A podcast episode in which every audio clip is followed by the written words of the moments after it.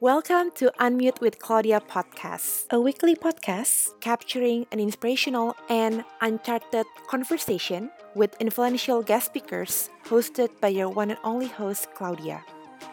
You sure don't want to miss it. So, tie it up because Unmute session starts now. And here it goes. Enjoy the ride. Happy Monday, everyone. Welcome back to Unmute. This is your host, Claudia. Um, if there is one thing that I wish I would be doing right now, kemungkinan besar kayaknya gue mau banget sih bantu masalah-masalah sosial di Indonesia, khususnya di bidang pendidikan. Gue tuh apa ya? iri sih sama lo Steph lo punya kesempatan dan opportunity untuk terjun langsung bantu pendidikan di Indonesia dengan startup lo ini yaitu MyEdusolve oh by the way guys hari ini di Unmute kita kedatangan my friend Stephanie Seputra welcome Steph Hi Claudia, thanks for inviting me. Really glad to be here. Thanks for being here. Steph, Uh, mungkin beberapa dari pendengar Unmute ini belum ada yang dengar tentang My Solve. Sebenarnya apa sih yang you guys lakuin tiap hari? What do you guys do at My Solve? Yeah, sure thing, sure thing. So we started My Solve because we realized that youth unemployment in Indonesia is very high. So according to the UN data, it's from 2019, it's 15.9% of youth unemployment. And what's surprising is that most of them itu actually anak-anak SMK di mana banyak banyak anak-anak SMK yang lulus dan mereka tidak bisa mendapatkan pekerjaan. So I guess the problem that we are trying to solve is youth unemployment, and the way we want to do it is through digital literacy. Um, so our vision for Indonesia is to transform the workforce through digital literacy, and we really believe that having known technology, um, people can really change their lives and change their fate. Um, I think an analogy that we really like to use is, you know, you give a man a fish and you teach you um, feed them for a day, but you teach a man how to fish and you feed them for a lifetime. And in a lot of ways, that's how we feel about digital literacy. It's like if you give someone a laptop, mungkin mereka jual, terus mereka bisa makan beberapa bulan lah ya. Tapi kalau misalnya kita kasih mereka satu skill um, yang mereka bisa pakai seumur hidup, it will help them regardless of where their life is at right now. And so that's kind of a little bit about us and uh, our vision for Indonesia.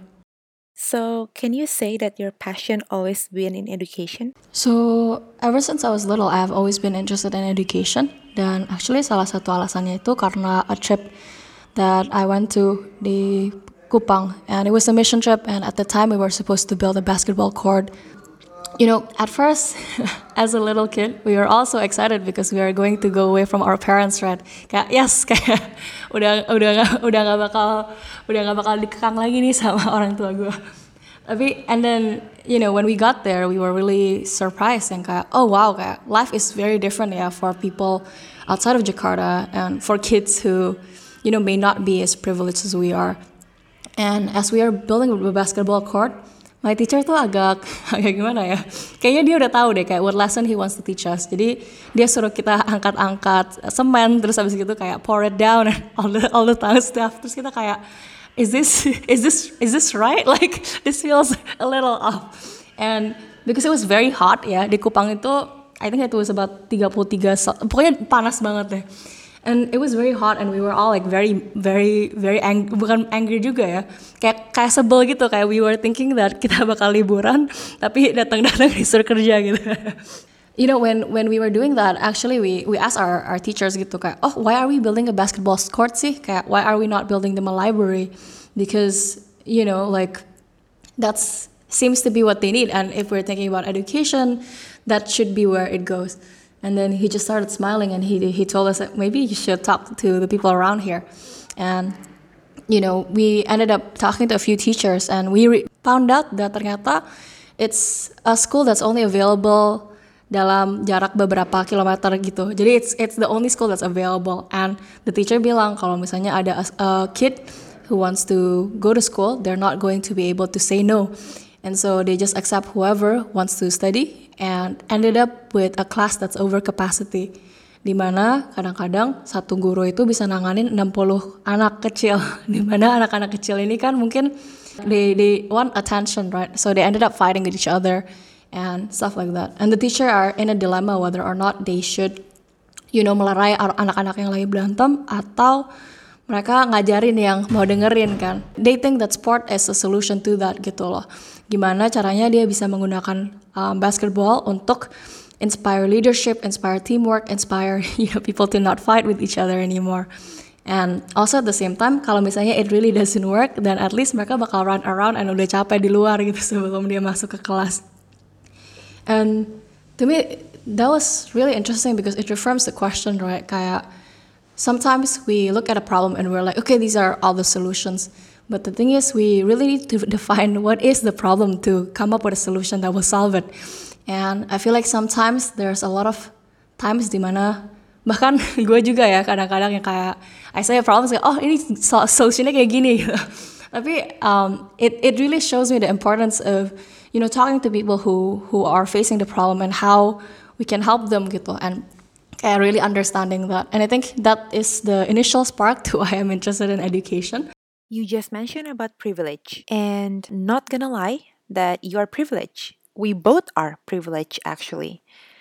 Nah, pas lo balik ke Indonesia gitu, how did you utilize that privilege of yours? Um, I think that's a very hard question, yeah. But I think, to be honest, sometimes it makes it hard in the sense that you want to help people, but they're like, well, you're only helping me because you pity me and stuff like that. And so sometimes it makes it hard. But also sometimes um, it's really up to us, yeah, to educate ourselves and to talk about the hard things and to face the privileges head up, head front. Because I think in terms of how we can use privilege to help people, I mean, simple aja lah ya. Kayak, I think for a lot of people who's my age untuk start a business dari awal it will be very hard. Karena you have to think about your career you have to think about you know where you want to go in the future. But the thing is because because I am privileged I don't have to think about any of that. I can just do whatever I want to do at this moment. And that's definitely a very privileged thing to do right? But at the same time because I have this time and also I have this um, opportunity to do something that I think will be impactful for Indonesia, it also gives me the time and space to do it.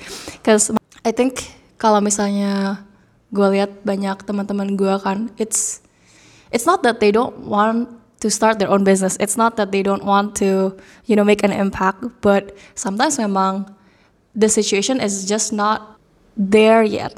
And I think there's there's two ways that we can deal with privilege kan. Kita bisa where we, we can be embarrassed embarrassed about it and decide like okay I'm not gonna you know because I think dulu pas gue di Boston especially I was like ah kayak, kayak masa sih kayak kita harus use our parents connection or like do all these things and you know and, and I was like very iffy about it. I'm like I don't think that's something that I want to do.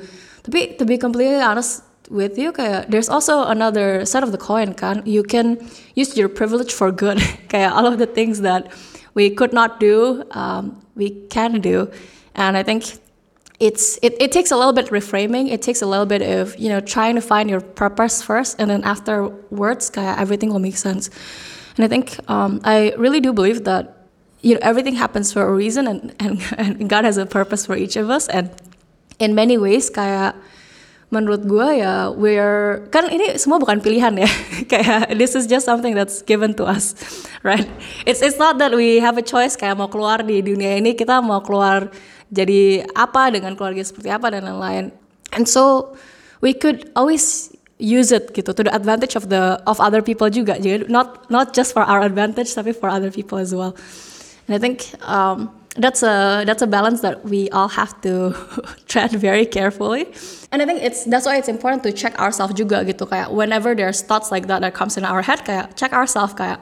And that's the thing kan kayak our stream of consciousness is not something that we can control 100% but it's something that we have power over. We can say that that's not a thought that I want in my head like or this is not how this is supposed to be and yeah i mean i think everybody can it's not it, we're, we're not perfect yeah, i'm definitely not perfect and so it's a it's it's been a learning journey but i think um, god gave you something and you have to use it and uh, whichever ways you use it, yeah, it's up to you.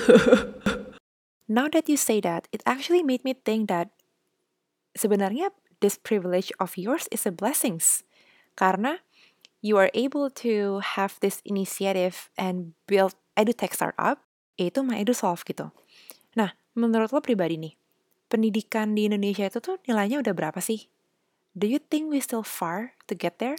Hmm, menurut gue enggak sih, but I guess we have to define where is there, kayak where do we want to go. Cause to be honest with you, there's a lot of kids in Indonesia yang pinter banget kayak yang you know kayak mereka benar-benar pinter banget kayak there's there's no no way around it and I think you know kayak Indonesians are just as smart as anybody else and I was actually just talking to um, a Singaporean and he was like you know the top 5% in Indonesia in terms of intellectual knowledge is the same as the top 5% in Singapore in terms of intellectual knowledge. And but the thing is kayak it's what you do afterwards kan with that knowledge. And I think and to be honest there's already a lot of things that's happening here that's already very good gitu. Kayak pertama Menteri kita uh, Pak Nadiem Makarim definitely tahu gitu what we need to do with the education system in Indonesia. So he's currently starting this um, initiative namanya Kampus Merdeka that one of them yang very popular is abolishing the UN um, ujian nasional. Jadi anak-anak sekarang udah nggak harus ambil UN lagi, tapi melainkan mereka ngambil um, ujian kompetensi. Jadi kayak learning more about you know what you're really good at and how you can succeed in this um, in this life. And I think that's a big step ya. Kayak it it really reframes the question of success gitu. Sekarang sukses tuh bukan hanya ngingetin jawaban dan um, answering it correctly on your, on your test gitu. So it's definitely interesting to see how that will go, because you know kayak everything has to start somewhere, right? Um, and at the same time, kalau misalnya kita lihat dari informal sector education di Indonesia juga banyak banget yang luar biasa. Binar Academy, uh, one of them is, you know, they're uh, for for the first two years, I think of their existence, mereka tuh kasih scholarship for free untuk orang-orang bisa jadi programmers, UI UX designer, and all these things. It's like wow, that's crazy. And I think, and sekarang tuh mereka bisa make sure bahwa anak-anak yang go through Binar Academy bisa diterima gitu di Singapura, which is which shows that you know like it's not about the talent that's inside of Indonesia. The talent is all there. It's how can we give the confidence and the next steps untuk anak-anak ini supaya mereka bisa go to the next level. Betul, gue setuju banget sih. Kalau misalnya Indonesia itu udah punya talentnya, udah ada semua knowledge dan kepintarannya, cuman mungkin beberapa dari kita tuh belum tahu gimana cara mengaplikasikan knowledge yang kita punya itu karena banyak dari kita yang mungkin belum confidence dengan hard skill dan soft skill yang kita punya gitu kan. Tadi lu ngomong masalah confidence gitu. And confidence itu kan dibangunnya over time ya it's an ongoing process gitu. Nah, menurut lo sendiri nih, kalau misalnya seseorang mau mulai untuk membangun kepercayaan dirinya, membangun confidence-nya, itu start awalnya dari mana menurut lo? Um, pertama, and this is something that I have to learn the hard way ya. Kayak you have to focus on where you want to go, not where everyone else is going. Maksudnya adalah kalau misalnya teman-teman lo pada maunya ke BCG, McKinsey, um, or the top big four consulting firms, it doesn't mean that you have to go the same way if you don't want to. If you want to, then that's great, and that's a path that you can explore. But there's no one right path to success. Everything itu kayak gimana ya? Semua semua semua orang tuh ada jalannya dan dan semua orang itu harus ngedengerin dirinya sendiri untuk bisa um, go where they're supposed to go gitu loh. And I think everybody tuh sudah tahu ya kayak sebenarnya mereka tuh dipanggil untuk apa gitu di dunia ini. Because I think I mean, but I think we just don't listen to it because we think that kayak oh how can we make money doing this or how how can we do this kayak kita siapa gitu untuk untuk ngelakuin ini and I think if you just like listen to your heart and do the things that you know you're supposed to do um, yang namanya confidence will be there. Because I think naturally kayak people are drawn to things that they're good at. And and also like at the same time if you're interested in something pasti you're you're going to continue to learn about it and get better and better at it gitu. Yeah I think you have to listen to yourself more and and stop worrying about what other people are doing and where they are in this journey. And you know that way you can definitely be closer to where you want to be. And i think the other thing too you have to realize that you've already done amazing things kayak if we look back in our lives tuh kita pasti banyak banget hal yang udah kita lakukan maksudnya banyak banget gitu loh kayak things that seems impossible and we're able to get through that gitu. Tapi kadang-kadang kita lupa that we're able to do those things. and I think just remembering where you've been and what you've overcome, it it gives you strength gitu. uh, I, I have this this thought that clarity is temporary, right? Tapi experience will help you get more of those clarity gitu. And your friends and your support system will get will will help you get more clarity. And I think that's also I think the third part that's important. Yaitu surround yourself with people who wants you to succeed. like this is important ya, karena maksudnya what what what people are saying about you, what you're saying about yourself matters. And kalau misalnya you surround yourself with people who believes in you, who thinks that you can succeed, and who will tell you what you need to work on in order for you to overcome a weakness, for instance it will really make you stronger gitu dan make you more confident. But I also do think that part of it itu cultural ya. Kayak kalau gue lihat teman gue I remember when I first um, went into the US gue pikir kayak wah gila ini. Orang-orangnya pasti pinter-pinter banget tapi lama-lama when I sit in the class gitu ya gue gue realize bahwa you know it's it's not that necessarily that they're smarter gitu. Tapi mereka percaya aja bahwa whatever they're saying matters. Whatever they're saying should be heard gitu. And that gives them confidence that we don't have. Kayak pertama tuh gue kayak selalu impress kayak wow gila mereka bisa pikir gitu cepet banget ya. Um, tapi lama-lama you realize that everybody has their own strengths and you yeah, I guess the more you believe in yourself, the better everything will be lah. Tapi ya, I think it's it's definitely cultural sih. Karena gue lihat banyak banget orang-orang Indo yang bener-bener pintar dan bener-bener talented, tapi maybe kayak they, they just it's it's just culturally not accepted to take pride in what you do and what you say, I guess. Iya, yeah, iya. Yeah. Actually gue juga ngerasain hal yang sama sih pas gue sekolah di Amerika. Gue kayak merasa bahwa kayak gila ya nih orang-orang tuh yang orang-orang Amerika, yang asli Amerika tuh pinter banget. Mereka berani ngomong what they say is very much convincing gitu. Uh, bukannya gue gak bilang apa yang mereka ngomong itu salah, tapi maksud gue confidence yang mereka bangun saat mereka mengutarakan pendapat, saat mereka ngomong di kelas itu tuh bener-bener amaze me banget gitu. Cuman thinking back again, gue agree banget yang juga lu tadi mention bahwa anak-anak Indonesia itu sebenarnya udah punya bekalnya, udah punya knowledge-nya, cuman belum ada aja nih bahan bakar atau gas yang bisa nge-support mereka untuk bisa punya a sufficient confidence buat mengutarakan knowledge mereka untuk voice up gitu loh. Nah, gue pribadi suka banget sih sama ide dan vision dari My EduSoft sendiri gitu.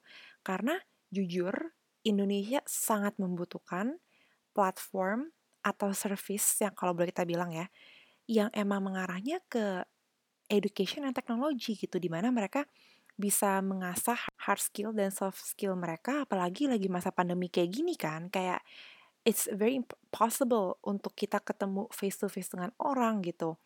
Dan dengan adanya this channel, itu sama sekali nggak menghambat siapa pun, there's no excuse lagi buat siapa pun untuk nggak menambah hard skill dan soft skill mereka gitu.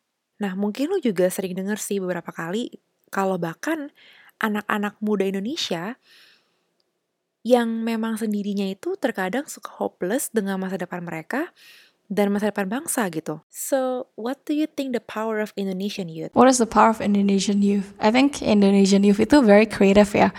Gue sering banget ngeliat kayak, so ada one of my friends, she's doing makerspace stuff kan. Terus when she is teaching people from Jogja kayak how to use Arduino segala macam, ada this one kid yang bikin sistem gimana caranya untuk copy, bukan copy ya, tapi biomimicry dari kopi dari luwak. Jadi dia bikin satu satu apa ya kayak robotic system gitu untuk with the temperatures and everything else untuk recreate the taste of kopi luwak, tapi without the luwak itself. Jadi this is all programmatics ya this is all programmable new stuff and it's done by a kid yang SMA jadi menurut gue anak-anak itu tuh kreatif banget ya. Dan mereka tuh gue pas pertama kali denger tuh gue bener-bener kayak what? Kayak caranya itu even gimana? Terus dia kayak I mean when when when it was explained it was just so amazing kayak. Dia dia tahu kayak misalnya to poop itu kan berarti temperaturenya is a certain way. Jadi he recreated that mechanism and he was able to sell. Akhirnya dia bikin bisnis dan dia sell kopi luwaknya ini uh, 10% dari harga luwak sendiri. So it's like what? Wow, yes. That's really Uh-huh. really cool. Gila sih. Gokil banget. It's unbelievable. Gak tau, gue speechless banget dengernya. Now that my EduSolve is a year, what keeps you going? What are some of the heartfelt experiences that you had so far? Hmm, jujur banyak banget ya yang heartfelt like especially kayak kita kemarin ini we were working together with an SMK kan and then he was just telling us kayak gila gue udah satu tahun nih cari kerjaan nggak nggak dapat apa pun sama sekali and it's and it's demoralizing kan kayak days after days weeks after weeks all you get is rejections gitu. And then he was like ya ya udahlah daripada gue nggak ngapain mendingan gue ambil your test aja your certification in MTA and he ended up taking his Microsoft Technology Associate in Python and he got it so he was certified. And he just added it into his CV gitu his resume. Jadi sekarang there he sent a package of his resume and a copy of his certificate and then he started getting interviews and at some point um, I think within two months dia dapat kerjaan gitu di Singapore with a starting salary of 30 juta. I think that's what really keep us going kayak wow kayak this can really help people. This can give people a chance. This can give give people an opportunity gitu. And I'm not saying that certification is the answer for everything ya. Obviously it's not kayak selain dari you get an interview you have to have that you know interpersonal skills you have to have cultural fit you have to have a lot of things so but the thing is yang kita realize adalah and this is the difference between equality and equity kan. Equality is people having all opportunities the same. Equity is making sure that people who are who have less have more chances gitu untuk get that opportunity that otherwise orang-orang kayak kita mungkin bisa dapat gitu. And I think another e- example we we did this event Mas Aka National Championship. Dan di sana itu kita itu pas when we started that we were only three months old I think. Cuman baru tiga bulan so we were literally we had nothing. We had no track record we have no milestones. We just wanted to do something and we ended up doing it gitu. But pas we were doing the event ya kan abis gitu the winners we bring them to the US to New York.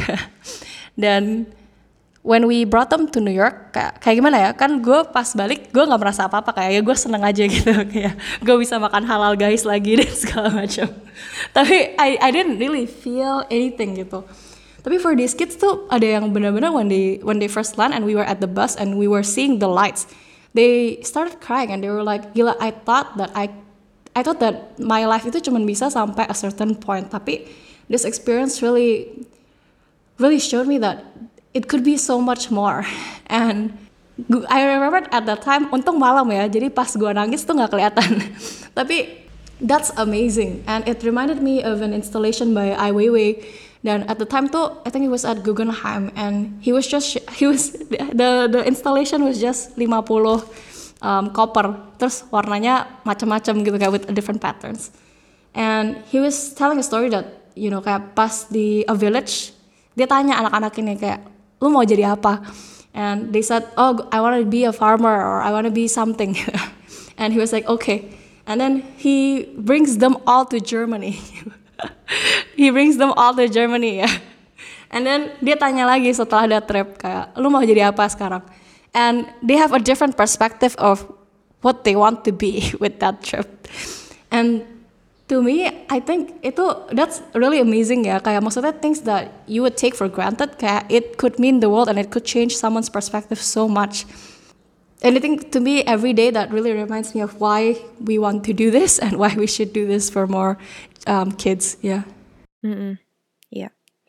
Ternyata dampaknya itu sangat luar biasa ya bagi anak-anak tersebut ya untuk bisa mendapatkan this new experience yang mungkin menurut kita karena kita udah sering terekspos dengan experience di luar negeri seperti itu, but it's something really meaningful, something really priceless gitu for them. Nah, now that you are a leader right now, uh, what are the most important hard skill or it also can be soft skill that very important for Indonesians millennial to have?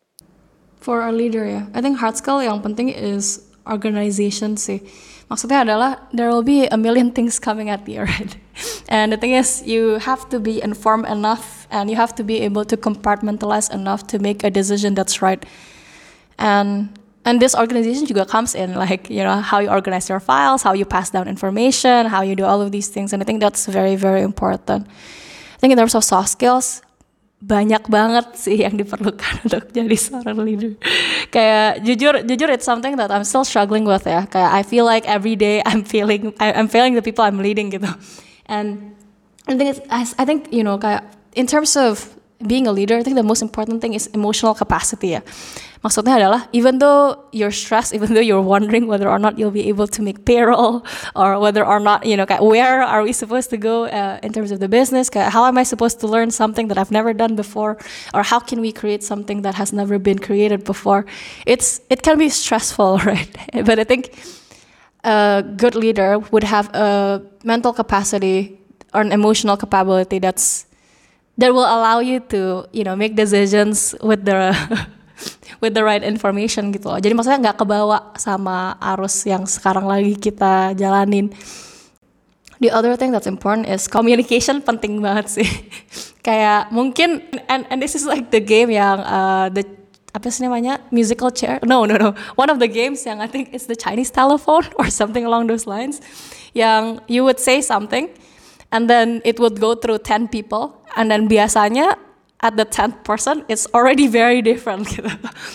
As a new leader especially like communication tuh penting banget yang karena mungkin gue bilang A gitu ya tapi yang ditangkap itu beda and that's why it's really really important to like make sure and also be clear karena mungkin when you have misalnya gue sering banget ya when I have an idea I would just like send my team a bunch of Pinterest stuff and also a bunch of things. Terus abis itu I will just highlight them dan segala macam gitu kan. Tapi mungkin mereka lihatnya kayak bingung gitu kayak ini apa sih maksudnya? And maybe kayak we need to set up like a 10 minute meeting or something to, dis to, to discuss and describe gitu kayak oh ini kayak gini gini gini and what do you guys think about it gitu.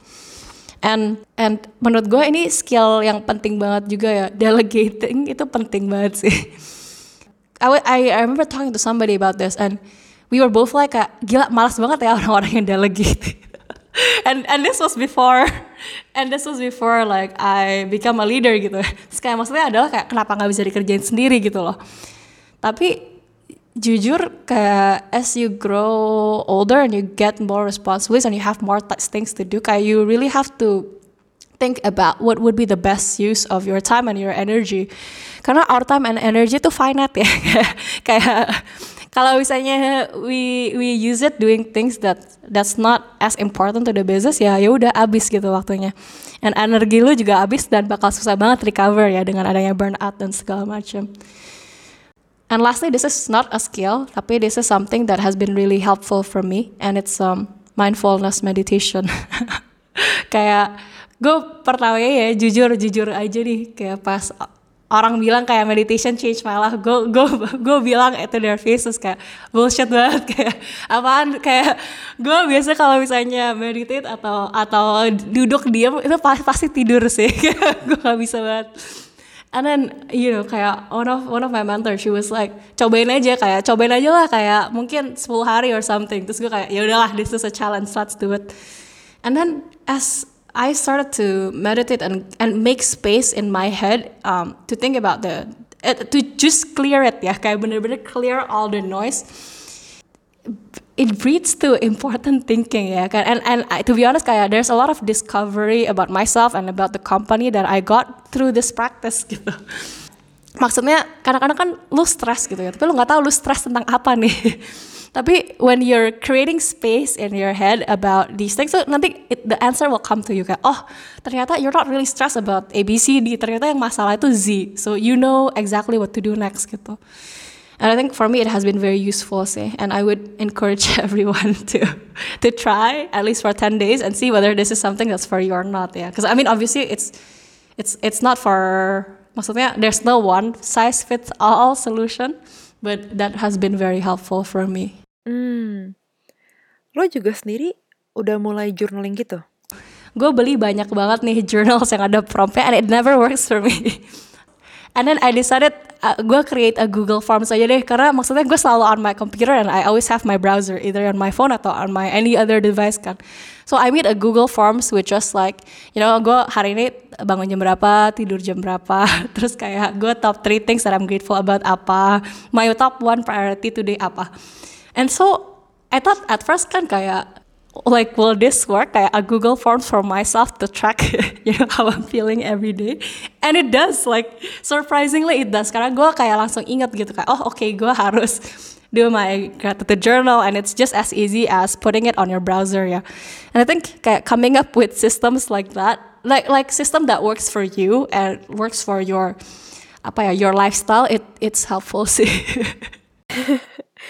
interesting sih soalnya gue pribadi gue tuh nggak pernah pakai kayak calendar or even Google Calendar gitu it doesn't work for me. What works for me is I normally put everything itu di my iPhone. Jadi kayak kalender iPhone gitu loh yang bener-bener di appnya. I just put all my to do list di situ and I just set a reminder gitu. That that works for me. Again guys there's many options up there. I hope that you find the most suitable one for your life. Um, but anywho, thank you so much, Steph, for being here. Thank you for sharing with us. Thank you. Thank you so much. Um, I really appreciate this opportunity as well. And thank you so much for talking to me. It has been really fun. Thank you guys for tuning in today. I hope I'll see you next week. Bye.